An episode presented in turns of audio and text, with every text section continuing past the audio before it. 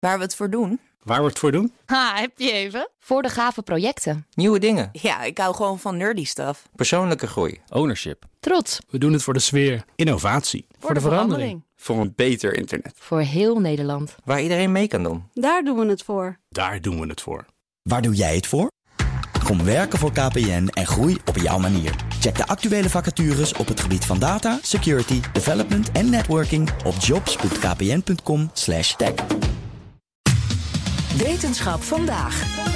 In veel situaties is het handig om je emoties een beetje onder controle te kunnen houden. En de meeste van ons lukt dat natuurlijk ook heel aardig. Maar er zijn mensen met sociale angsten waar het, uh, voor wie het lastig is. Onderzoekers hebben gekeken naar hersenstimulatie, of ze dat daarbij kan helpen. Carlijn Meinders, uh, dat klinkt uh, een beetje eng. Ja, daar kan ik me iets bij voorstellen. Maar je moet niet denken dat er straks alleen nog maar mensen rondlopen met super gecontroleerde emoties. Uh, dat is wel even goed om daarmee te beginnen. Het is sowieso bedoeld om mensen te helpen met psychische stoornissen. Waarbij er minder controle is over gedrag dat volgt uit emoties. Dus niet het controleren van de emotie zelf, maar het controleren van wat je er vervolgens mee doet. Uh, van nature hebben mensen een beetje de neiging om negatieve, bedreigende situaties te vermijden. En positieve en belonende situaties op te zoeken, vertelt onderzoeker Bob Bramson van de Radboud Universiteit. En dat is vaak goed en handig en het helpt, uh, maar soms ook niet. En in die gevallen waar dat niet handig is, moet je dat soort gedragingen kunnen controleren. Uh, bijvoorbeeld nu met COVID. Als je na een lockdown je ouders lang niet hebt gezien, hebben veel mensen de neiging om ze hartelijk te begroeten en te knuffelen misschien wel. Terwijl we weten dat dat niet handig is. En dan moet je dat soort neigingen kunnen controleren. En dit gaat dus over precies die mensen die daar eigenlijk niet zo goed toe in staat zijn. Precies, dat knuffelen is dan weer blijdschap controleren. Maar het kan ook angst of agressie controleren zijn. En dan zijn ze eerst gaan kijken welke hersengebieden daar nou een rol bij spelen. Zo zagen ze dat de voorhersenen actiever worden, dat de emotionele gebieden onderdrukt worden en de actieselectie in de motorcortex beïnvloed wordt. En dit gebeurt dus als iemand het gedrag dat voortkomt uit een emotie onder controle aan het houden is. Dus bijvoorbeeld, oh, ik wil je zo graag knuffelen, maar ik doe het niet.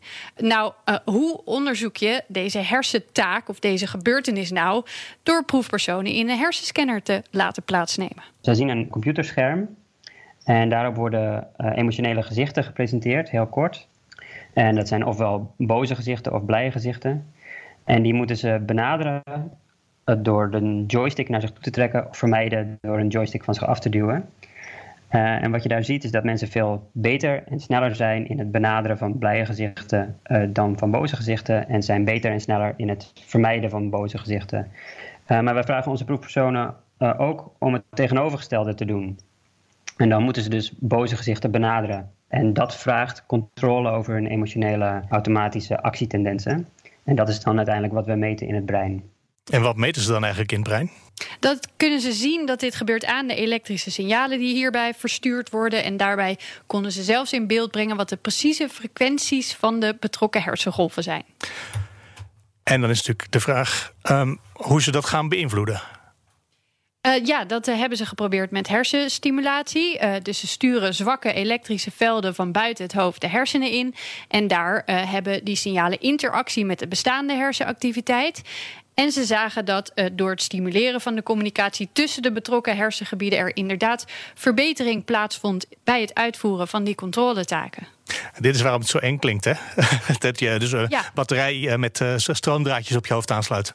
Snap ik, maar Bramson benadrukte het is niet schadelijk en het heeft alleen effect bij deze precieze hersenactiviteit. Dus als je gewoon in bed zou liggen, dan doet het ook niks met je. En komt dit in plaats van medicijn? Of komt dit in plaats, kunnen we tot nu toe dit niet oplossen? Het is niet per se in plaats van medicijnen. Maar als je nu kijkt naar de behandeling van mensen met deze problemen, dan krijgen ze vaak exposure-therapie. Dan ga je eigenlijk oefenen, je wordt blootgesteld aan die sociale situaties. Dat willen ze niet vervangen, maar ze denken wel dat als je hier hersenstimulatie aan toevoegt, de behandeling wel eens veel beter zou kunnen aanslaan. Dat willen ze nu verder gaan onderzoeken. En in de toekomst willen ze nog kijken naar nieuwe vormen van stimulatie, waarbij ze op een veilige manier nog dieper de hersenen in kunnen. En daarmee zou het dan misschien mogelijk worden om ook de emotie voor de actie een beetje te beïnvloeden.